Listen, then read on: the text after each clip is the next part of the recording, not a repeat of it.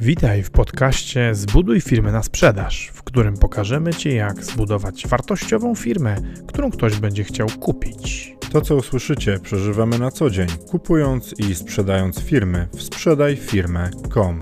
Zapraszamy, Paweł Korycki, Maciej Stępa.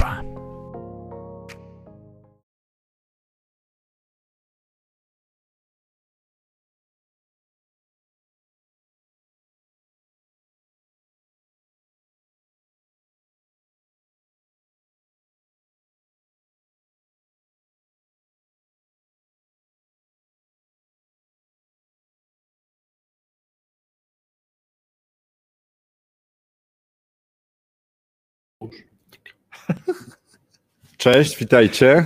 Dzień dobry. Dzień dobry, w poniedziałek po długim weekendzie.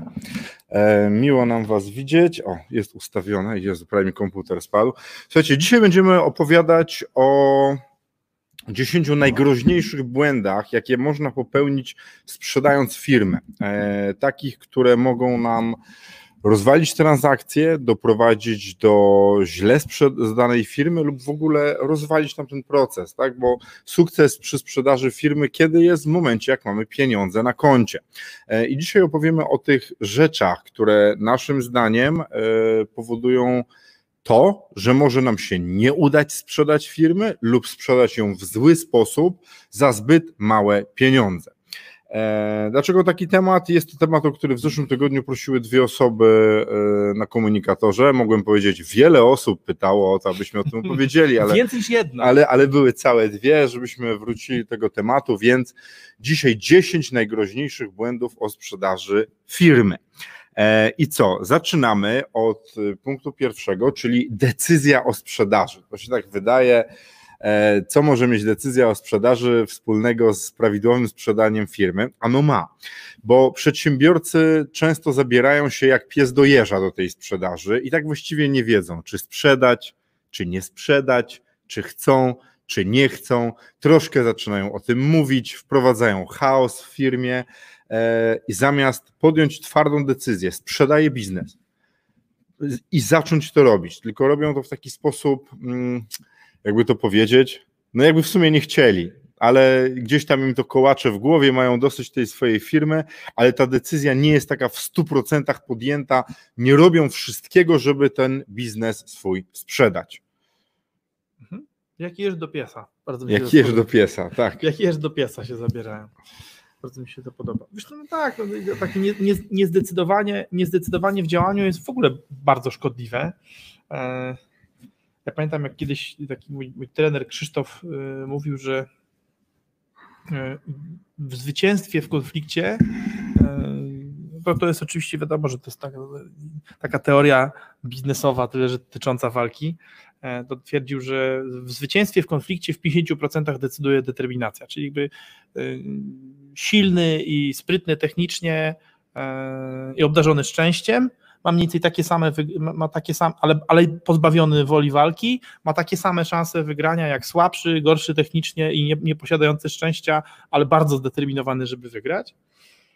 E, więc determinacja, e, determinacja to w tym kontekście, żeby sprzedać, to podstawa do tego, żeby, żeby sprzedać. E, po drugie, po drugie, Krzysztof mówił, że z tej połowy, co zosta zostaje, to połowa to jest po prostu taka zwykła sprawność fizyczna, czyli w tym przypadku jakość firmy. Mhm. Po pierwsze, determinacja, żeby sprzedać. Po drugie, jakość firmy. Czyli to, czy ta firma dobrze zarabia, czy ma dobrze ugruntowane e, procedury i z drugiej strony, czy ma, czy ma silną kulturę. E, myślę, że wiesz co, myślę, że w ogóle jeden z odcinków w tym tygodniu, a mam nadzieję, poświęcimy, poświęcimy temu, jak się, jak się ma kultura do, do oj, no uciekło mi, do procedur. Kultura firmy kultura, tak, procedury. Kurczę, no, no, no, normalnie brakuje mi słowa, ale, ale chodzi, chodzi, mi o to, że wiesz, procedury, e, procedury i systemy versus kultura. Mhm. Zyskałem no, nowe spojrzenie na ten temat. Nie? Bo, bo, bo dziś tam ostatni, ostatnimi czasy bardzo, bardzo, bardzo dużo, mocno mówiliśmy właśnie o tym takim, o tym, że systemy, że, że, systema, systematyzacja, e, że procedury, że schematy, e, a, a one, one mogą być najlepsze, ale jeżeli, ale jeżeli kultura z nimi nie współgra, to może być tak, to może być tak, że y, nawet najlepszy system nie będzie, nie będzie działał, jeżeli będzie na przykład złośliwie, y, złośliwie sabotowany. I to, to, to o, tym, o tym też pogadamy, czyli y, jeżeli chodzi o, o, tą, o tą decyzję, czyli determinacja, 50% determinacja, e, z drugich 50-50, czyli 25 z całości to jakość firmy, czyli siła fizyczna, z tych pozostałych 25 50% to e, technika, czyli to jak firma jest sprzedawana. E, więc oczywiście e, zdeterminowany sprzedawca, zdeterminowany sprzedający i dobra firma z dobrą techniką, czyli z dobrą firmą brokerską, taka jak, taką jak nasza, albo inną, może lepszą, robi różnicę i jest łatwiej sprzedać i lepiej osiągnąć lepsze rezultaty, ale te dwa, dwa podstawowe warunki muszą być spełnione. E, no i wreszcie jeszcze tam. No tak, bo jak ktoś ma determinację, to sprzeda. Może tam popełni różne, różne błędy po drodze i tak dalej, ale jest szansa, że sprzeda.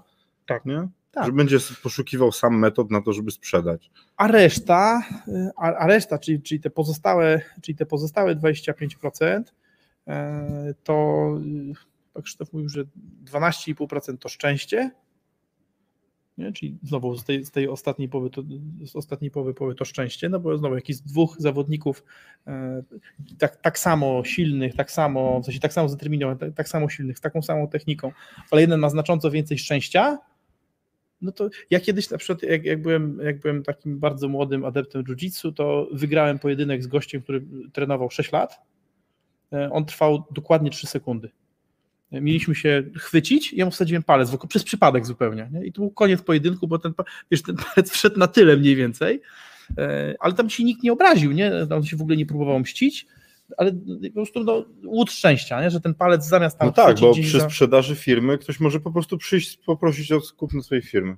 Tak. Może tak być. Tak, Zdarza... a, może, a może być tak, że na przykład, że w momencie jak masz e, że jesteś zdeterminowany, masz świetną firmę, masz dobrego brokera, świetnie przygotowane dokumenty, rozsłane teasery, przychodzi COVID mhm. a właśnie sprzedawałeś restaurację. No I, I, I, wszystko szlak Ale trafia. wiecie co, ja kiedyś byłem taki mocno w ogóle przeciwny, a przede wszystkim do ciebie mówię, ja byłem kiedyś tak. taki mocno przeciwny uznawaniu, że jest jeszcze los, że wiesz, ja wszystko mogę, ja mam na wszystko wpływ tak. i tak dalej, a potem to życie pokazuje, że jednak to, no nie wiem, czy nazwać to szczęście, ale są czynniki zewnętrzne. Możesz się starać najbardziej na świecie, możesz być przygotowany do tej sprzedaży i tak dalej, ale mogą się wydarzyć tak jak COVID, tego nikt nie przewidywał. Nie, bo niektórzy mówią, o ja wiedziałem, że będzie kryzys, no ale nikt nie przewidział, że to będzie COVID. No. Sporo ludzi przewidywało, że będzie jakiś kryzys. No ale minęło 10 lat od ostatniego kryzysu, więc no, według prawda. naszej ładnej ale, tej... Ale dużo tych mędrców internetowych przewidywało jakiś tak, kryzys. Tak, ale głównie teraz są ale tacy, którzy mówią, że ja przewidywałem, że będzie kryzys i że pandemia i że wszystko. No. Bill Gates o tym mówił w listopadzie zeszłego roku. A propos Bill Gates, wiesz, bo na przykład właśnie a, a propos tego, tego losu szczęścia, bardzo fajnie to pokazuje Malcolm Gladwell e, w książce, w książce Outliers, czyli chyba można powiedzieć wyjątkowi e, i pokazuje tam, jak wyjątkowi ludzie, wiesz, bo, bo często ty powtarzasz y, y, tą tezę też, y, że nie warto, jakby, nie warto próbować powielać dokładnie działań ludzi, którzy odnieśli sukces, E, dlatego że, dlatego, że to powielanie, no nie wiem, próba, próba bycia Jobsem jeszcze raz, to się robienia dokładnie tego samego co Jobs, nie przyniesie efektów, bo, do, bo robienie dokładnie tego samego co on, w zmienionych warunkach, może po prostu przynieść wręcz odwrotne rezultaty. To wbijanie się gdzieś, gdzie jest monopolista jest tak, trudne. Tak, ale, ale, to, ale, to, jest jedna rzecz, nie? a druga rzecz jest, ale, ale druga rzecz związana z tymi wyjątkowymi, e, czyli to, to, jest to, że oni się najczęściej, i, to Gladwell bardzo ładnie pokazuje, oni się znaleźli w wyjątkowym, z, oczywiście E, z pracowitością, z talentem, ale znaleźli się w wyjątkowym miejscu, w wyjątkowym czasie, bo czy nie było innych zdolnych ludzi e, o podobnych zdolnościach jak Gates w jego pokoleniu? Prawdopodobnie byli. No tak, no. byli, ale tam dostęp do tego komputera miało chyba 150 osób, gdzie oni to robili wtedy, nie?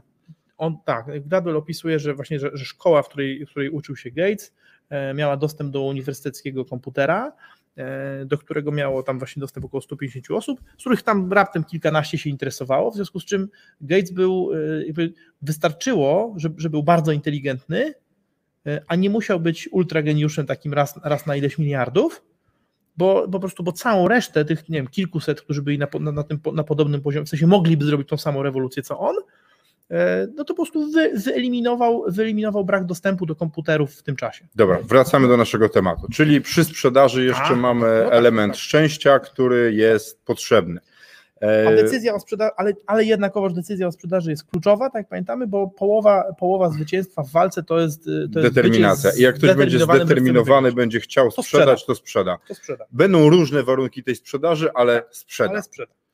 A brak determinacji może spowodować, że się wszystko zesra. Tak. E, Bo, co ważne, jak się nie ma determinacji, jak się nie, jakby, jak, jak, jak, jak się nie jest pewnym, że się chce czy to walczyć, czy to sprzedawać, to lepiej w ogóle nie sprzedawać, ani nie walczyć.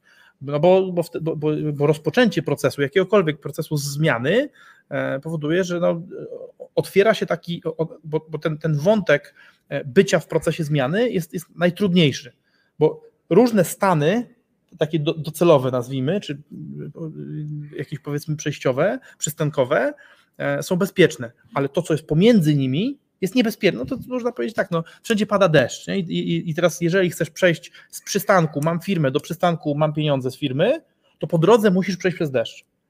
E, A najgłupsze rzecz, jaką można zrobić, to wyjść na deszcz i tam stać. No, chyba, że ktoś lubi. Nie? I na przykład chce śpiewać w deszczu i ma parasol. I'm singing in the rain. To tak, to spoko, ale jeżeli, ale jeżeli, jeżeli twoją intencją jest albo posiadać firmę, albo posiadać pieniądze, to wyjście w deszcz e, procesu sprzedawania bez, bez determinacji, żeby sprzedać jest bardzo niebezpieczne. Marcin pisze o hej, witamy Cię Marcinie i Aga pisze hej, cześć Ago, witamy, bardzo nam miło, że jesteście. Lecimy. E, teraz tak, drugi punkt, po drugie, e, trzeba posiadać plan działania. Mhm. Trzeba posiadać plan działania. Tak, tak, tak, naprawdę, tak jak, e, tak jak przy każdej rozsądnej działalności, e, musimy wiedzieć, e, co robimy e, i musimy robić to, co żeśmy sobie zaplanowali. E, Postępowanie ze śred, zgodnie ze średnim planem jest dużo lepsze niż, postę- niż e, niepostępowanie e, zgodnie z dobrym, a zdecydowanie jeszcze lepsze niż robienie rzeczy na oślep. No bo plan to jest jakaś, jakaś logiczna e, ciągłość zdarzeń wymyślona, wymyślona a priori, e, która ma doprowadzić nas do, e, do zamierzonego rezultatu. E, A brak tego planu no, będzie powodował, znaczy zazwyczaj powoduje, że, że możemy się kręcić wręcz w kółko, e, albo cofać, albo iść w jakimś kierunku, który, e, który w ogóle nie służy, który w ogóle nie służy temu zamierzeniu. To Szczególnie, że przy sprzedaży firmy, tak, y, są rzeczy, które muszą występować po sobie i nie powinno się robić niektórych przed innymi, tak, powinno się zachować pewien sposób działania, iście od danego punktu do danego punktu, a nie na przykład mówienie o sprzedaży firmy e, publicznie przed e, przygotowaniem pewnych rzeczy, e, więc trzeba mieć plan działania, żeby nie robić rzeczy, które na danym etapie są nieprawidłowe i nie powinno się ich robić. I, i, i to też potrafi wysypać pewne rzeczy, jak, nie, jak działamy chaotycznie, jak działamy jakoś tak, bo nam się wydaje, powinniśmy mieć przygotowane co i jak będziemy wykonywać. No, jasne. No i brak planu, tak jak, tak jak przy większości przedsięwzięć biznesowych, kończy się źle. I tutaj chyba jakoś tam. Tam nie ma co. Trzecią rzeczą jest wycena. E, powinniśmy mieć wycenę naszej firmy i tutaj o tych wycenach to my mówimy i mówimy, dużo, e, dużo opowiadamy. Czy ten, Wycena. czy ten błąd to brak wyceny. Brak wyceny, brak Albo wyceny, zła wycena. albo zła, właśnie, bo, bo można mieć tak, można nie mieć wyceny, to jest błąd, albo można mieć złą wycenę. E, przy braku wyceny, wiadomo, będziemy dostawali różne oferty i będzie nam się wydawało, że one są za niskie, że nasza firma jest warta więcej, zazwyczaj to w tą stronę idzie, bo będziemy myśleli, że nasz biznes to jest wart nie wiadomo ile, ktoś nam przychodzi, chce nam ileś dać, a my będziemy zawsze myśleli, że to jest za mało. E, I to będzie nam rozjeżdżało transakcje na tym poziomie, że nie zgodzimy się na cenę, którą ktoś nam daje. A zła wycena z kolei robi również złe zamieszanie, bo może się okazać, że wywiesimy gdzieś w internecie albo zaczniemy mówić o zbyt wysokich pieniądzach i wtedy co kupujący robią? Kupujący będą na nas patrzyli jak na wariata, który tak naprawdę nie ma pojęcia, co posiada, nie ma pojęcia, co ma i będzie e, nie będzie zainteresowany tym, co mamy. I co wtedy zacznie się dziać? Zaczniemy zjeżdżać z ceną, zaczniemy zjeżdżać z ceną od tej źle zrobionej wyceny i to będzie taki, tak jak przy nieruchomościach, nie? Mamy nieruchomość za półtora miliona, za trzy miesiące za milion czterysta, potem za milion dwieście, za milion. No i wiecie, jak ktoś przygląda się temu rynku transakcji, patrzy na to, że ta cena cały czas spada, to zaczyna myśleć, kurde, coś jest nie tak. Czyli ktoś przychodzi, ogląda to, nie kupuje to za tyle pieniędzy, czyli w środku są jakieś błędy, problemy, e, trupy w szafie, dlatego, dlatego nikt tego nie kupuje. Więc ta wycena, zarówno brak wyceny, e, jest problemem przy sprzedaży firmy, ale również błędnie zrobiona wycena, e, bo często wyceny, bo tak, my zawsze mówimy, że wycena powinna być biznesowa, czyli mówić o tym, jakie firma ma możliwości generowania pieniędzy. E, zysku, wartości dla, dla swojego właściciela, a są wyceny, które są robione na przykład e, jakąś sfiksowaną metodą likwidacyjną, w której mamy jeszcze jakieś wskaźniki, to jest policzone w kosmiczny sposób, ale w myśl zasady takiej ktoś to robi. E, to znaczy, przychodzi właściciel firmy do kogoś robiącego wyceny, i ten, który robi wyceny, robi to tak, żeby właściciel był na pewno zadowolony i uśmiechnięty, czyli nikt ci nie da tyle, co my ci możemy obiecać. I tam powstają przeróżnego rodzaju kosmiczne rzeczy, żeby ten zamawiający był zadowolony z tego, ile tam jest napisane. Bo my patrzymy na, na, na transakcję ze względu na to, że zarabiamy na tym, że transakcja dojdzie do skutku, to jesteśmy zainteresowani, żeby firma się sprzedała, więc my chcemy, żeby ta wycena była realna e, i przedstawiała realną wartość biznesu. A są ludzie, którzy robią wycenę pod to, żeby właściciel był zadowolony z kwoty. I wtedy my się zderzamy z takim e, no, no podejściem tego właściciela, któremu mówimy, no wie pan, ale to nie da się tego za tyle sprzedać ale ja mam tu taką wycenę i tu jest napisane, że moja firma jest tyle warta, no. Ale wiecie, Excele dużo mogą przyjąć, właściwie tyle, ile sobie wymyślimy, to mogą przyjąć. Szczególnie jak ktoś sobie te wyceny wymyśla no, no z głowy, wrzuca jakieś wagi różnych metod i, mhm. i wychodzą dziwne rzeczy. Tak, albo tak jak y, nasz kolega Zbyszek powiedział, w swoich Excelach ma współczynnik K, który, przez który mnoży się wyniki i wtedy można powiedzieć, że Excel zawsze pokaże, tak. Excel zawsze pokaże oczekiwany, oczekiwany wynik. A Zbyszek to tak świetnie powiedział, bo my rozmawiamy ze Zbyszkiem, to jakiś biznes i Zbyszek mówi, no jest współczynnik K, znacie współczynnik K, a my tak cisza, cisza, no nie no Zbyszku nie znamy, bo nie możecie znać, ja go sam wymyśliłem, wystarczy przemnożyć wyniki przez pewną liczbę i wychodzi to, co byśmy chcieli, więc... Tak też można zrobić. No więc no, z wycenami trzeba pamiętać o tym, że y, nie, nie warto z nich wyciągać średniej. Nie? Czasem, czasem ciekawe, że niektórzy profesjonalni y, wyceniający, niby profesjonalni, y, proponują zrobienie wyceny kilkoma metodami i wyciągnięcie z, z nich średniej, Problem polega na tym, że tak naprawdę różne rodzaje kupujących będą stosować różne rodzaje wycen. E, wycena likwidacyjna to, to jest taka wycena, po której właściciel sobie sam może wyprzedać wszystko, co jest w firmie, czyli w zasadzie to jest wycena majątku minus dług. E, wycena, wycena mnożnikowa, no to ta, która pokazuje potencjał, mnoże, potencjał zarabiania e, gotówki przez firmę przemnożony przez, przemnożony przez trwałość, tak? przez subiektywnie ocenioną trwałość tego biznesu. E, metoda dochodowa, no to jakaś prognoza tego, co taka firma może zrobić przy, przy inwestycji. No w zależności od tego, kto kupuje. Czy inwestor kupuje część udziałów i dokłada pieniądze do firmy, żeby firma urosła, no to będzie inaczej sobie ją wyceniał. Inaczej będzie wyceniał, inaczej będzie wyceniał inwestor e, finansowy, który będzie kupował maszynę do zarabiania pieniędzy, inaczej będzie e, wyceniał inwestor branżowy kupujący żywy biznes, a inaczej będzie wyceniał, inaczej będzie wyceniał ten no, asset stripper, który po prostu chce kupić firmę i sprzedać ją na kawałki i po prostu chce wyręczyć właściciela, no to który kupi za y, aktywa pomniejszone o długi jeszcze z jakimś dyskontem w zamian za to, że to on przeprowadzi tą, tą operację wyprzedaży. E, I teraz wyciąganie średniej z tego, albo jeszcze, co nie daj Boże, nadawanie wag tym wycenom. Teraz możemy mieć trzy takie wyceny, nie? Jednej, jednej firmy i z jednej wychodzi milion, z drugiej wychodzi pięć, z trzeciej wychodzi trzy. I teraz tak, no jedna metoda no to nie nadawanie, nie nadawanie wag, tylko robimy średnią, sumujemy, wychodzi nam 9 przez 3, czyli wychodzi, tak dobrze powiedziałem, czyli wychodzi 3. Albo nadajemy wagi, że ta, ta pierwsza za milion to ma 90%, i dwie pozostałe mają po 5%. Skąd te wagi? Na jakiej podstawie? No, e, tak naprawdę e, taka wycena musi być dostosowana do tego rodzaju transakcji, które chcemy zrobić. Jeżeli chcemy sprzedać aktywa, no to wyceniamy aktywa. Jeżeli chcemy sprzedać biznes, no to wyceniamy biznes. Jeżeli chcemy sprzedać perspektywę inwestycji, to sprzedajemy perspektywę inwestycji. Ale każda, każda z tych wycen jest inna i wyciąganie z nich średniej No to, jest, no to, to jest klasyka tego, co tam się ludzie śmieją i powtarzają wielokrotnie, że jak idziesz z psem na spacer, to macie średnio po trzy nogi. Nie? Tak, a najlepsze są te wyceny, gdzie macie na przykład powiedziane, że tam nawet nie 3, tylko 2 miliony 726 tysięcy 543 zł 21 groszy i tyle I jest trzy okresie. I, trzy wok- i, i, i, i, I patrzy właściciel potem na to i się przywią... Wiecie, ludzie się w ogóle przywiązują do tego, co zobaczyli, nie? Psem, ale z psem to ja ci powiem, w ogóle więcej jest. Jest jeszcze lepiej, bo wy średnio nie macie po, po, po trzy nogi. Średnio macie po dwie nogi i jedną łapę. No tak. Więc to, to, jest, to już jest w ogóle jakieś szaleństwo. Nie? Eee, I pół ogona. I, i pół ogona, zgadza się.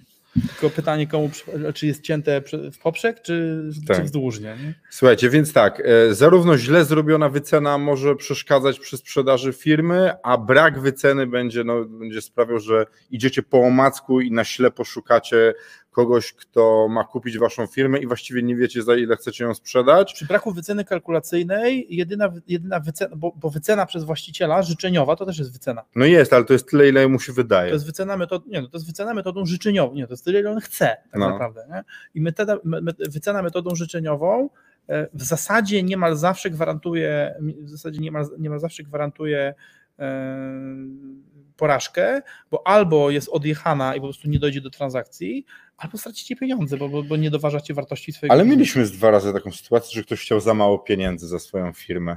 Rozmawiałeś z takimi klientami, którzy mieli. Był jeden taki klient, który mnie Jeden który był, zaskakiwał, to jeden na pewno, nie? taki, który y, chciał milion złotych za swoją firmę, y, a tak na moje oko to, to powinien chcieć ze trzy albo cztery. E, Aczkolwiek nie zdążyliśmy pogadać, ponieważ e, rozmawiałem, z nim, nie, nie zdążyliśmy poeksplorować tematu, bo rozmawialiśmy 28 lutego 2020 i on po tej naszej rozmowie nawet jak już tam zanim, potem był weekend, potem już był marzec i on doszedł do wniosku, że koronawirus nawet kartę nie wypełnił, ale ostatnio do mnie zadzwonił I wraca. i rozmawialiśmy sobie, no i gdzieś tam może wypełni teraz tą kartę i zobaczymy, zobaczymy co tam w trawie piszczy i dlaczego on się tylko na milion wycenił. Yy, dobra. Yy, czyli tak, trzeba mieć wycenę. Czyli brak wyceny, czyli pierwszy błąd to, yy, to chwiejna decyzja o sprzedaży. Drugi błąd to brak planu działania albo posiadanie złego planu działania. Yy, trzeci błąd to nieposiadanie wyceny albo posiadanie wyceny odstrzelonej w kosmos. Czwarty błąd To jest brak teasera albo źle zrobiony teaser. Czym jest teaser? E, Jak zrobicie Teaser. sobie teaser, Teaser. Teaser. tak po arabsku zabrzmiałeś. Teaser. teaser. Jak zrobicie wycenę, memorandum, będziecie mieli opis waszej firmy, taki, w którym jest szczegółowo napisane, co to za firma, e, czym się ta firma zajmuje, jak ona wygląda, to na tej podstawie tworzy się teaser. I to jest taki sam teaser jak w. teaser. E, przeszkadzasz mi w tym, no. Po po prostu ten rosyjski Ja teaser. rozumiem, ale mi to przeszkadza. Robicie, robicie teaser, który jest czymś samym, czym e, taka reklamówka filmu w kinie. E, on ma pokazać, czym jest wasz biznes, ale bez jednej rzeczy. Nie mówi tytułu filmu. E, nie mówi, co to jest za film, dokładnie z nazwy i gdzie on się znajduje. Wasz teaser ma być przygotowany na podstawie tej dobrze zrobionej wyceny i, lub memorandum i ma w anonimowy sposób opowiadać o waszym biznesie. Dlaczego w anonimowy? O tym będzie za chwilę, ale teaser się rozsyła po różnych firmach, różnych ludziach i on ma ściągnąć zainteresowanych, jeszcze nie mówiąc im dokładnie, gdzie ten biznes się zajmu- znajduje. Teraz ty powiedz i ja będę się śmiał. Teaser. E, od twórców Titanica dla was. A to, jest nawet nawet mi się podoba, tylko że e, różnica między teaserem a, a trailerem jest taka, że w trailerze zazwyczaj oni trąbią, o co, jakby, gdzie w ogóle znaleźć ten film i tak dalej, kiedy będzie w kinach, a w teaserze jednak, jednak troszkę tak, No jest bardziej taki. jest troszkę e, więcej sekretu. No, nie? szczególnie, że teraz w, w kinie można zobaczyć cały film, oglądając reklamówkę i najważniejsze sceny, ale tak, to ma być coś, co jest e, anonimowo zrobione. st- straszna, mi się, straszna mi się analogia, Paweł, e, pomyślała w tym kontekście. Chociaż nie, nie, wiem, nie, wiem, czy to jest, nie wiem, czy to jest dobry, nie wiem, czy to jest dobra analogia, ponieważ mam no, uczciwie powiedzmy no, bardzo ograniczoną wiedzę na ten temat, ale jak się chodzi po Sopocie wieczorem, Mhm. to tam y, chodzą ludzie, którzy próbują ci zrobić teaser, że u nas są najlepsze dziewczyny. I nie wiem, nigdy nie sprawdziłem, czy są najlepsze, więc jakby nie mogę powiedzieć. Natomiast mam takie podejrzenie, że, jakby no, że wygląda to właśnie w ten sposób, że e, ten teaser, który chodzi tam po, po, po, ulicy, mówi chodź tutaj do nas, najlepsze dziewczyny, impreza, teaser. I to jest to, jest, to, jest to zaproszenie do tego, do procesu wyboru. Żeby się zainteresować. Nie, może ktoś z was korzystał, może, może, może powiedzieć, co jest dalej, a chociaż może lepiej nie Nie, to mówcie. niebezpieczne, bo zaraz ktoś powie, że tak i zacznie opowiadać. Nie, no nie Więc opowiadajcie. Musicie mieć przygotowaną taką anonimową reklamówkę waszego biznesu, która będzie będzie dystrybuowana i rozsyłana po różnego rodzaju ludziach, e, ale w taki sposób, żeby, żebyście nie zrobili niezdrowego zainteresowania wśród waszej konkurencji. E, dobra. E, I teraz dochodzimy do punktu piątego, związanego też z tym poprzednim, czyli zachowanie poufności. Zachowanie poufności, a raczej jego brak, jest jednym z kardynalnych błędów przy sprzedaży firmy i jest to rzecz, która która naprawdę często rozwala całą transakcję. Dzisiaj jakąś kupawkę. Sobie pomyślałem, Paweł, a propos kardynalnych błędów, a ty się nie denerwuj, nie śmiej się Nie, no ciebie. bo ja chcę zrobić film, który będzie na YouTubie odnajdywalny, no ale, fantast ale, ty, ale fantastycznie, no, ma, mamy ten, ma, mamy, mamy dobry humor, więc czy ja mam dobry humor? Przepraszam. Ale tak sobie pomyślałem a propos, a propos poufności, no. kardynalnych błędów, no to zobacz, to znamy taką organizację, która ma kardynałów i bardzo dba o poufność. I ma dużo błędów. I ma dużo błędów. Tak. Wiesz, to jest organizacja, która nieprawidłowo dba o poufność. Nie? No niedobrze dba o poufność. E, czyli rzeczy, które należy chronić, to nie zawsze chroni, a rzeczy, które należałoby nie chronić, to czasami właśnie chroni. E, I warto nie powtarzać błędów tej instytucji, e, ponieważ jeżeli chodzi o poufność, to są takie, to, to, to są takie rzeczy, dotyczące firmy, e, które, które powinien zobaczyć tylko i wyłącznie ktoś, kto e, podpisze odpowiednie umowy. A czy tak się zastanawiam? A, dobra, nawet tutaj będzie. Ostatnio, ostatnio rozmawialiśmy. Ostatnio rozmawialiśmy z, z potencjalnym klientem, który chciał nas zaangażować do procesu, czy nawet, nie wiem, jesteśmy umówieni na, na, na, drugą, na drugą połowę tego tygodnia E, bo przygotował sobie, przygotował sobie sam początek procesu e, i wszedł w rozmowy z kupcem, ale się zaniepokoił, że ten kupiec tam za dużo go trochę wypytuje. Jakby.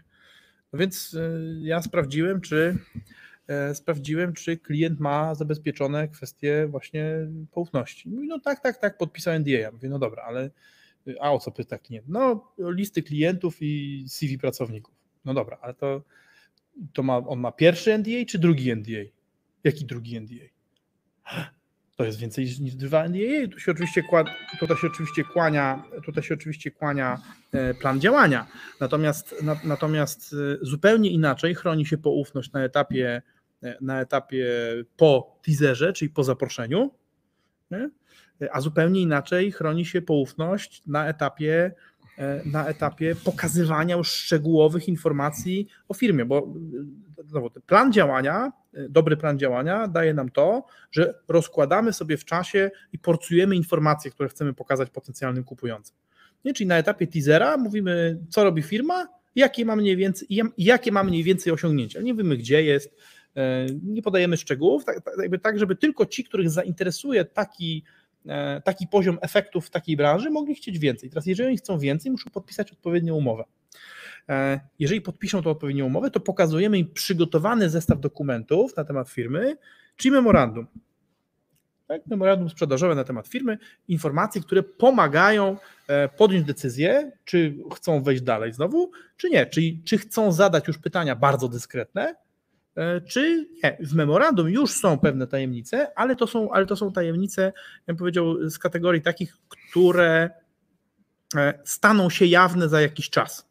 Natomiast jeżeli, jeżeli, jeżeli ten potencjalny kupujący chce wejść jeszcze głębiej, nie? czyli chce zadawać pytania o rzeczy, które nigdy nie staną się jawne, no to musi podpisać drugiego NDA.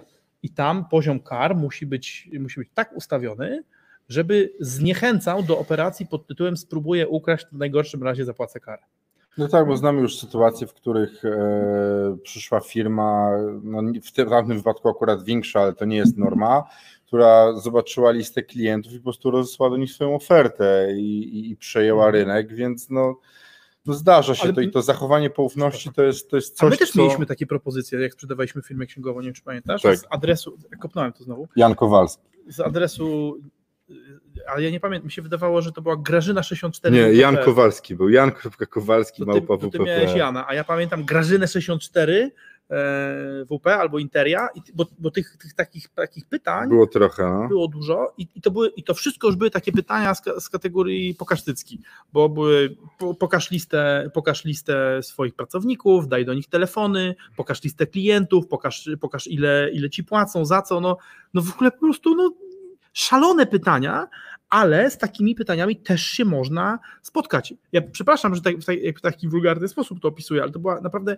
bezczelne pytania i ewidentnie na, na, jakby na, nakierowane na, na wyłudzenie informacji, no, na których można by w jakiś tam łatwy sposób. W jakiś, w Tak, a to, to, to, nie są odno- odosobnione przypadki, więc to się, jak już będzie informacja o tym, że taka firma jak wasza albo waszych klientów jest na sprzedaż, to zaczną wokół tego krążyć ludzie, którzy będą e, poszukiwali możliwości dostępu do tych informacji. No bo jak macie za coś zapłacić pół, 5 milionów, to jak ktoś ma zapłacić za coś 5 milionów, to znajdą się tacy ludzie, którzy będą chcieli to ukraść. No tak po prostu jest, tak ten świat jest skonstruowany, że jakiś tam mały procencik ludzi na świecie to są oszuści, więc na nich trzeba uważać, bo my z dobrego serca będziemy chcieli pokazać, pochwalić się tym, co mamy, a ten ktoś to ukradnie. No, Pokaż, co Maciek przysłał.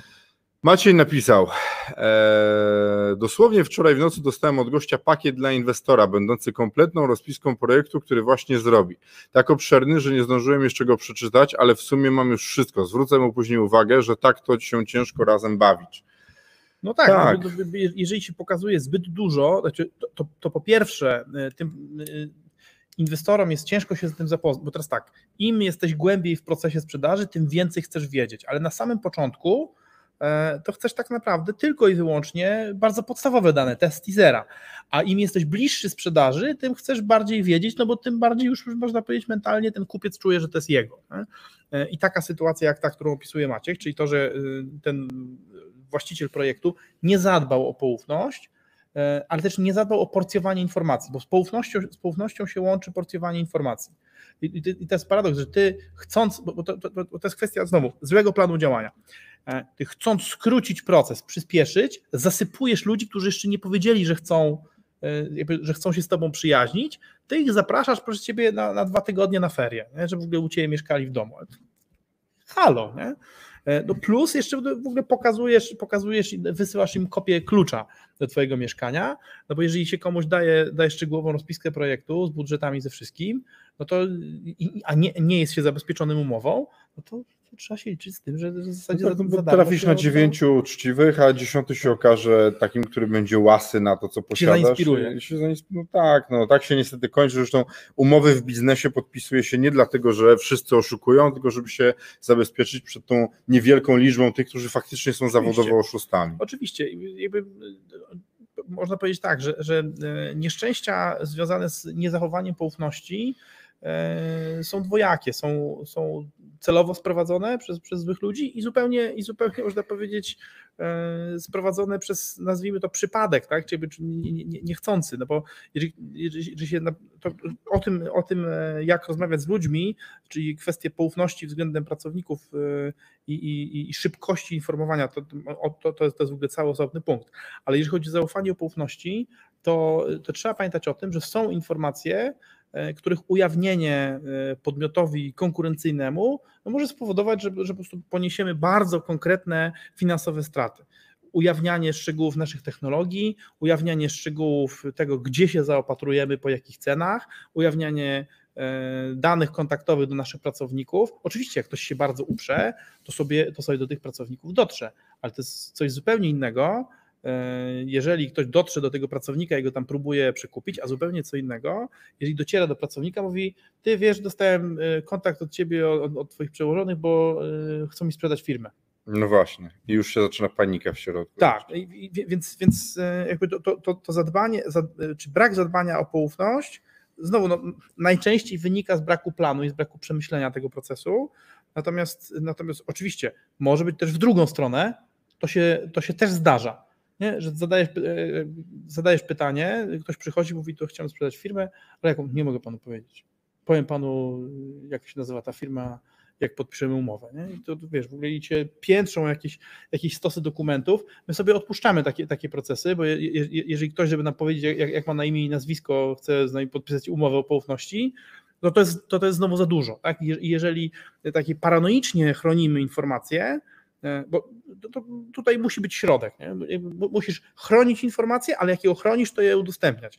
A jeżeli oczywiście ułatwia praca z kimś, kto, kto ma o tym w sensie, kto ma o tym pojęcie i kto wie, jakie informacje mogą ci zaszkodzić, a jakie nie. E, natomiast, natomiast przegięcie w którąkolwiek stronę może powodować do tego, że albo y, zbyt hojne dzielenie się informacjami może ci zepsuć to, co chcesz sprzedać, a zbyt skąpe dzielenie się informacjami może powiedzieć znowu, że, że nie sprzedasz, no bo ciężko będzie podjąć decyzję w oparciu o, o, o nadmiernie skąpy garnitur informacji. Marcin Sizer pisze, key features e, plus kilka dużych cyferek w zależności co w firmie wyszło minimum dwa lata wstecz, plus opis stworzony przez płatnego copywritera, plus dane kontaktowe do osoby odpowiedzialnej za kontakty z inwestorami, plus notka w rogu, że w razie zainteresowania trzeba będzie podpisać NDA, finito. Mniej więcej tak to wygląda e, i jest to oparte na tak. memorandum. Widać, Marcin już widział kiedyś e, tego rodzaju dokument. E, więc zachowanie poufności to, to, to jest jedno z tymi danymi firmy, ale to jest też niemówienie przez właściciela otwarcie wszystkim dookoła, na przykład przy piwie na grillu i chwalenie się, że on sprzedaje firmę. E, dlaczego znamy sytuację, w której e, na przykład bank powypowiadał spółdzielczy umowy pewnej firmie, bo dowiedzieli się konkurenci o tym, że e, firma będzie na sprzedaż i doprowadzili przez swoją znajomą w banku spółdzielczym, nawet rodzina to była, do wypowiedzenia linii kredytowej. Bank może to zrobić bez podania przyczyny, wartość firmy spadła i później ten konkurent chciał tą firmę kupić. Więc, e, ale to, to, wiele innych ma wydarzeń, no bo jeśli właściciel firmy zacznie opowiadać, że sprzedaje firmę i w złym momencie się dowiedzą o tym na przykład e, pracownicy, e, to nam robi problem, to nam robi kłopot i, i nie powinniśmy tego robić. To zachowanie poufności powinno być zatrzymane, e, znaczy to powinna być jedna z głównych rzeczy przy sprzedaży firm. Nie powinniśmy o tym za dużo mówić i opowiadać, to jest taka dość intymna sprawa, że sprzedajemy biznes. Po fakcie, jak sprzedamy, to możemy sobie opowiadać, co nam się święcie będzie podobało, ale w trakcie to radzimy zachować e, poufność, radzimy nie komunikować ludziom dookoła, że taki proces się wydarzy po fakcie można opowiadać tyle, ile z kolei pozwala klauzula o poufności tak. w umowie sprzedaży. Właśnie. Bo... Bo, ta, bo, ta, bo, tam też się zdarza tak, że z kolei sprzedający mówi, dobra, ale tutaj to zachowujemy w tajemnicy, to kwotę, tam to się, to sram. Także to... Ale słuchajcie, nawet warunki tego, jak ta transakcja się odbyła, że e, niektóre firmy, znaczy mówi się w mediach, że tam firma została sprzedana za 50 milionów i to jest wszystko, co można powiedzieć, a tak naprawdę to było 5 milionów w gotówce, reszta w akcjach, ale ten kupujący nie chce, żeby, wiecie, ktoś zaczął myśleć, że to nie tyle pieniędzy przeszło, tylko że to było w jakiś inny sposób transakcja się wydarzyła, bo to na przykład zmniejszy prestiż tej spółki, która to kupiła, więc no, to też faktycznie będzie tak, że po sprzedaży wcale nie będziemy mogli o wszystkim dokładnie opowiadać. Nie? Tak. Kolejny, kolejny wątek, no, w naszej ocenie błąd, to jest, e, to jest oddanie e, opieki nad negocjacjami w ręce prawników, ale nie w ręce prawników, którzy się trudnią sprzedażą spółek, tylko takich no, zwykłych prawników. Problem z prawnikami polega na tym, że prawnik firmy ma sprzeczny interes z właścicielem. I to, to, jest, to, jest bardzo duży, to jest bardzo duży problem. E, niestety. Więc właściwie to powinno być tak, że jak sprzedajesz firmę, to, to rzeczy związane ze sprzedażą firmy należałoby konsultować z innym prawnikiem niż prawnik firmy. Zatrudnionym tylko do tej czynności, czyli sprzedaż firmy, przygotowanie umów. Dlaczego? No bo logika niestety jest taka, no jeżeli firma ma prawnika, no to ten prawnik traktuje ją jako swojego klienta. E, prawnik jest e, wraz z księgowym czy dyrektorem finansowym w tym wąskim gronie osób, które prawie zawsze się wymienia. E, oczywiście, no, czasami jest tak, że jest in-house'owy dział prawny i tak dalej, no to, to wtedy nie, ale, ale zewnętrzna kancelaria prawna prawie zawsze straci kontrakt po sprzedaży firmy, no bo ten nowy właściciel ma, ma swoich prawników nie? i ten prawnik jest niepotrzebny. I prawnicy, jako osoby inteligentne i obeznane z tą sytuacją, e, wiedzą o tym. W związku z czym e, reagują na to nieszczególnie pozytywnie, no i e, mogą niestety na różne sposoby e, sabotować. Mogą sabotować, proszę Was, proces sprzedaży, bardzo często w sposób taki zawalowany, bardzo często nie w sposób nawet do końca uświadomiony dla siebie, no, ale, jakby, ale niestety no, interes właściciela chcącego sprzedać firmę jest taki, żeby sprzedać firmę, interes prawnika jest taki, żeby zachować klienta. I, i, i interes, w związku z tym interes prawnika spółki i właściciela jest sprzeczny. Znamy kilka bardzo pozytywnych wyjątków, ale bardzo często, jak, jak się spotykamy właśnie w ramach negocjacji umów na pośrednictwo sprzedaży, e, to spotykamy się z, z prawnikami firmy, którzy ze wszystkich sił próbują zasabotować proces, żeby tylko właściciel nie sprzedawał firmy, bo się boją utraty dochodów. I słuchajcie, no, jeżeli jesteście prawnikami, słuchacie tego, no to jest mi bardzo przykro i mam nadzieję, że was, że was to nie obraża, że nazywamy rzeczy po imieniu. E, natomiast, bo, bo z drugiej strony tak naprawdę sygnalizujemy, że no, jest przestrzeń dla prawników zajmujących się stricte tymi transakcjami M&A, którzy nie są związani z firmą, tak, którzy powinni być do wynajęcia do tej transakcji. No jest jeszcze jeden kłopot w ogóle z prawnikami, tak globalnie jak się pracuje, że w pewnym momencie następuje przerzucanie się e, e, zapisami umowy, poszukiwanie tego, kto, na co inna strona chce nas władować na minę, dopisywanie swoich min i ja mam wrażenie, że to jest jakaś e, tradycja w tym, żeby pozaszywać pewne rzeczy, potem będzie negocjacja tak. z drugiej strony, przechyczyć, wiecie, to ja znalazłem, to wy tutaj zrobiliście to, Jezu, ile czasu można na tym trafić, my mamy trochę inną metodę, my, my negocjujemy z, z klientami na, na, na firmy naszych, naszych klientów z kolei e, umowy, ustalamy co tam ma być, a prawnik ma być, ma spisać to, co my ustaliliśmy w sposób, żeby to miało moc prawną. I na tym się kończy, bo niestety wiemy, że niektórzy, oczywiście nie wszyscy, ale niektórzy prawnicy generują e, godziny przez to, że przerzucają się różnego rodzaju zapisami. No to, słuchajcie, a to nie jest coś, co my sobie wymyśliliśmy, my nie lubimy prawników. Prawnicy są potrzebni, bo bardzo, bardzo są potrzebni, bo potrafią zrobić dobre rzeczy, ale niestety sposób pracy niektórych, no chyba, że wynajmujemy na akord, ma być zrobione, ma powstać umowa, ile pan na tym spędzi czasu, to nas Wiesz, nie obchodzi. I, i, wynajęcie, I wynajęcie prawnika do negocjacji, e, tylko obie strony musiały tak zrobić że gdyby obie strony powiedziały prawnikom, e, mój drogi przyjacielu, nie, e, to są moje warunki brzegowe, płacę ci za to za prowadzenie tych negocjacji 1000 zł, to te negocjacje trwały bardzo krótko. Tak. Bardzo krótko, ale niestety ludzie zatrudniają prawników na godziny, a w związku z tym, że zatrudniają prawników na godziny, no to efekty są takie, że no, prawnicy dążą do mnożenia godzin. A co Marcin zaproponował, bardzo ciekawe. Marcin pisze następującą rzecz. Zatrudnia się prawnika z doświadczeniem w przejęciach z konkurencyjnej kancelarii do tej, z którą współpracujemy. Warto też mieć na uwadze to, że prawnicy ze sobą rozmawiają, więc zatrudniamy odpowiednią osobę wtedy, kiedy już temat się toczy. Oczywiście, że tak, bo to wiecie, to zachowanie poufności między prawnikami no, no jest takie jak wszędzie. Ludzie lekarze też rozmawiają o case'ach, które mają. I to, to, to, to się zdarza, więc no spotykają się gdzieś, szczególnie w takich małych, w małych światach biznesowych, jak jest Polska, gdzie w Warszawie, w którym mieście to się wszyscy znają. Więc. A Maciej pisze następującą rzecz, dlatego trzeba na początku brać najlepszego prawnika, żeby skonstruował jak najlepszą umowę.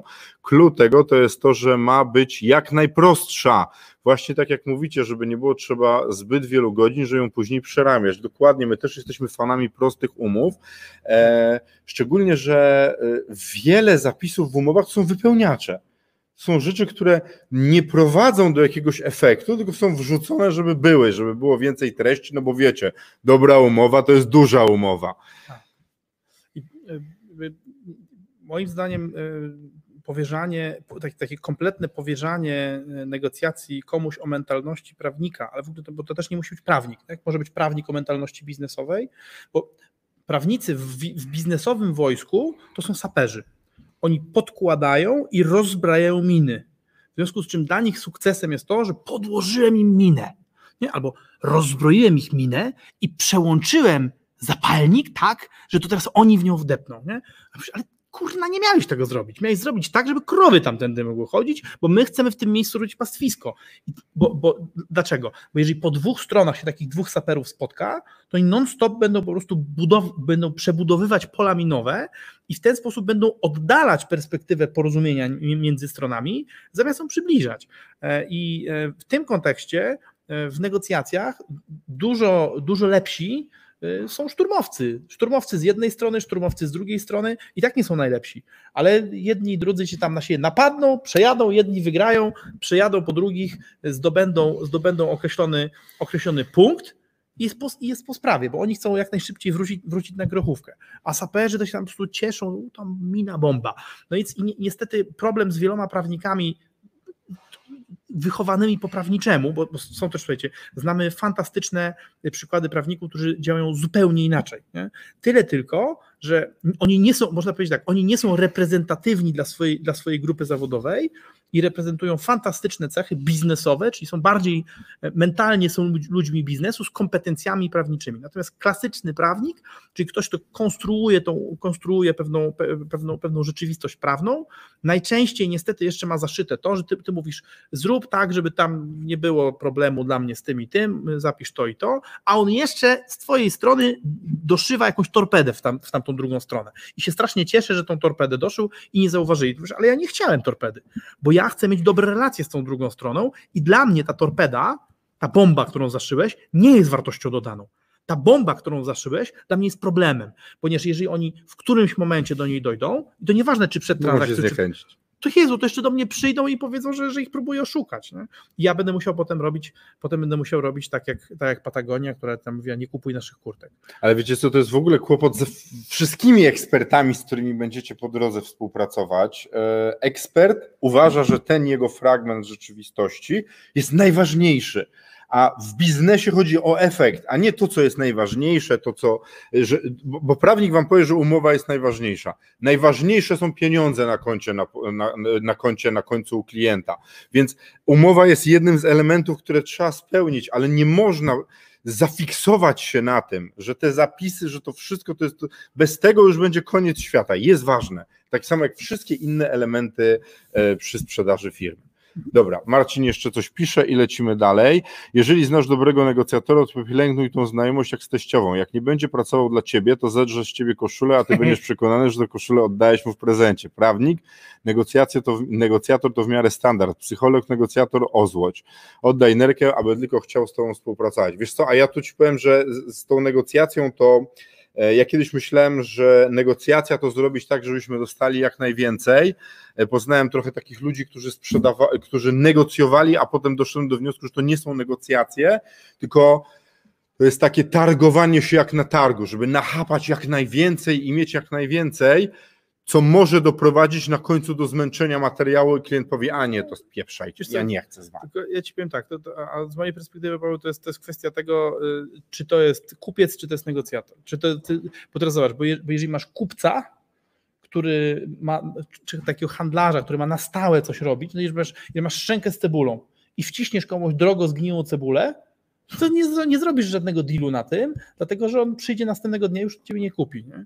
Natomiast jeżeli to jest jednorazowy deal, tak, raz w życiu sprzedajesz tą, tą konkretną firmę, temu konkretnie klientowi, już nigdy więcej tej firmy temu klientowi nie będziesz sprzedawać, to być może y, nie musi to być aż takie straszne, żeby takie, ja domyślam się, że chodzi ci o takich, tych ludzi, którzy wyciskają kurka z drugiej no strony. Tak, ale sam byłem świadkiem tego, jak ale... dwóch klientów powiedziało, wie pan co, nie, to my dziękujemy, już nic więcej nie chcieli robić, powiedzieli, że mają serdecznie dosyć I takiej okay, negocjacji. Okej, okay, ale z drugiej strony, ale z drugiej strony jakby bar, i dlatego długoterminowe relacje, no nie, nie ma sensu układać długoterminowych relacji w taki sposób, że wyciśniesz z nich 100%, no bo, bo, to, bo to może oznaczać, że, że wyciśnij z, z, nich tyle, że ta druga strona nie będzie zadowolona.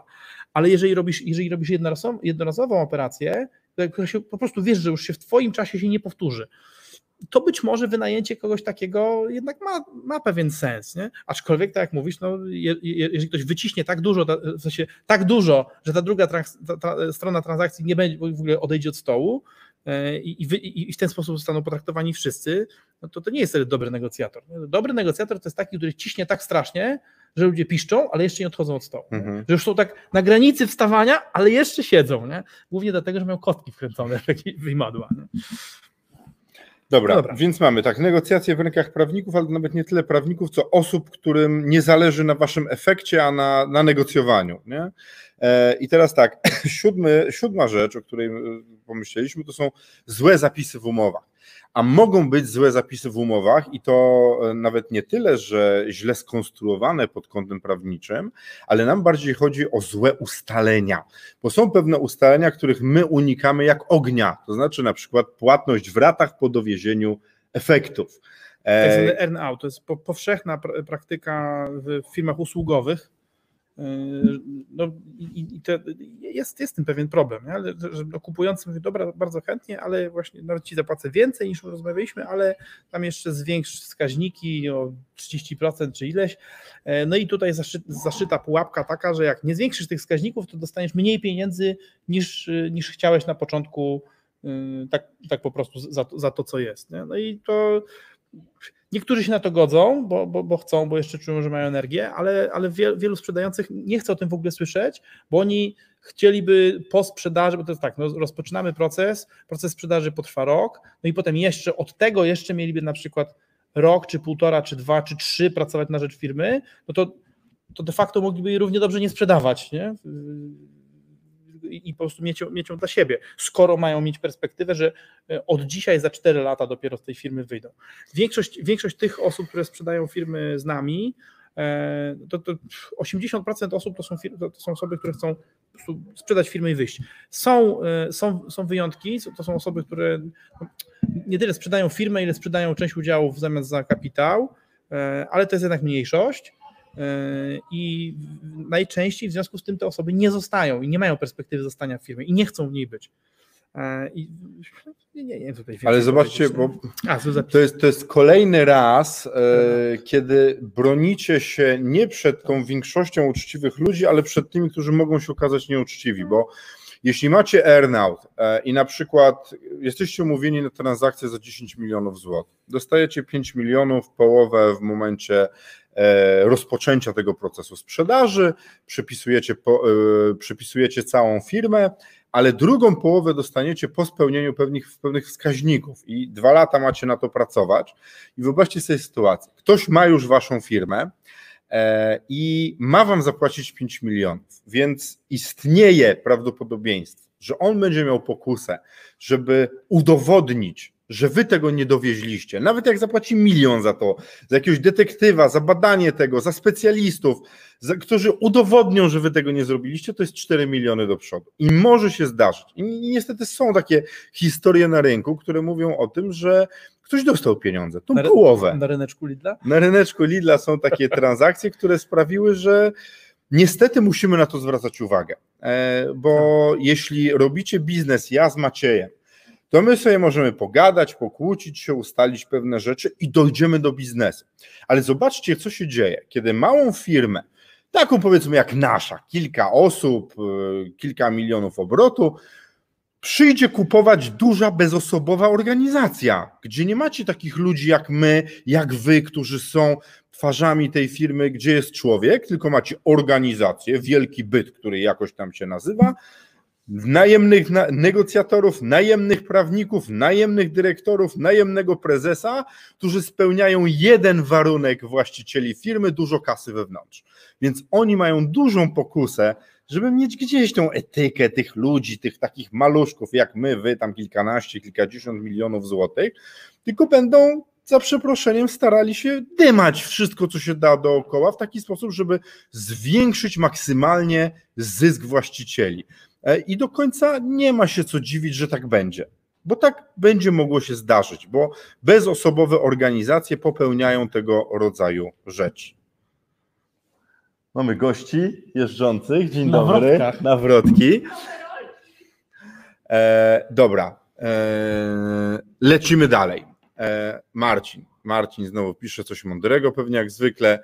W startupach pozostawienie zarządu to w miarę standard. Powód prosty, trzeba trochę czasu, żeby wymienić delikwentów, którzy oprócz prezesowania jeszcze kodują ewentualnie, ganiają za klientami.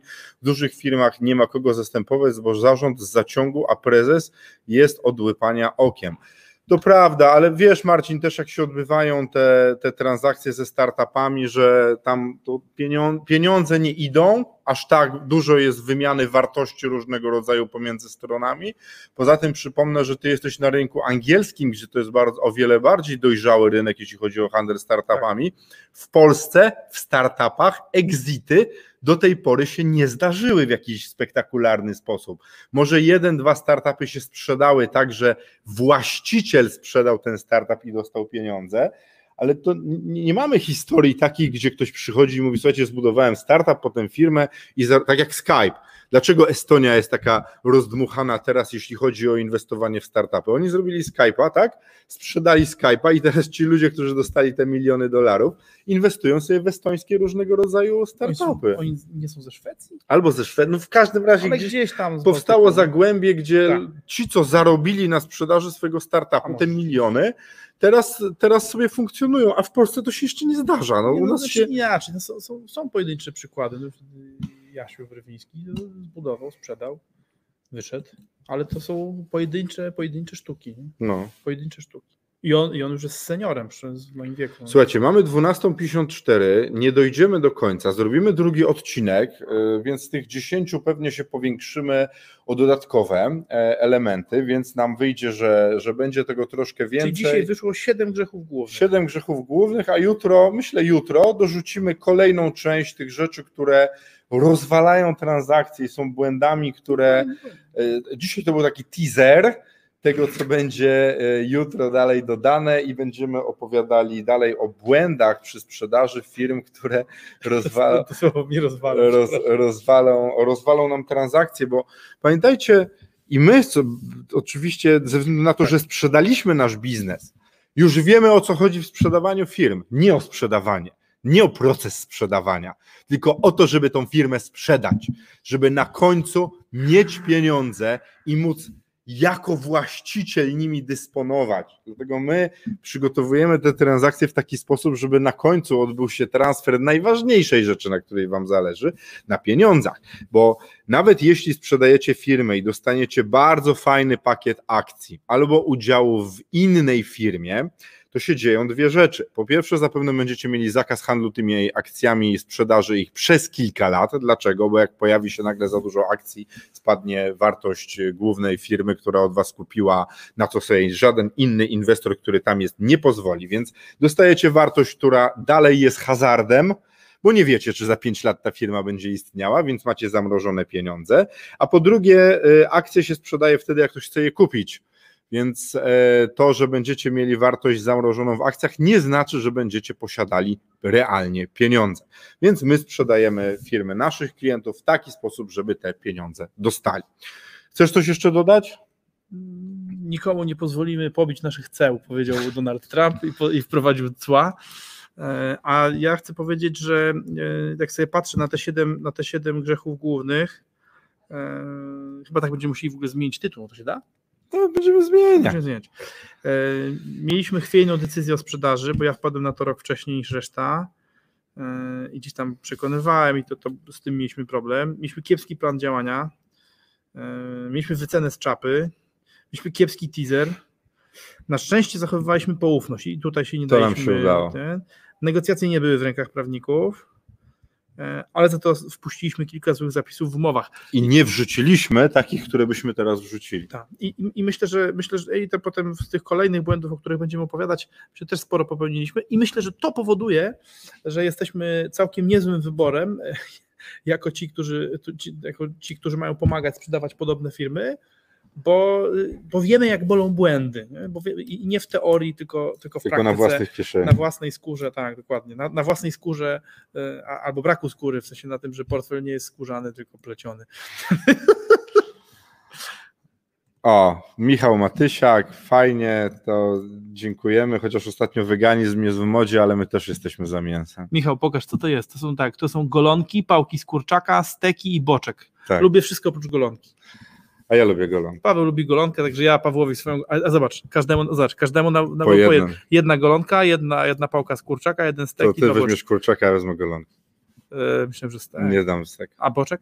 Też. No bo Dobra, to weź boczek. dobra. Dobra, trzymajcie się, dziękujemy. Do jutra. Dziękuję Jutro bardzo. e, kontynuujemy dzisiejszy temat. Cześć.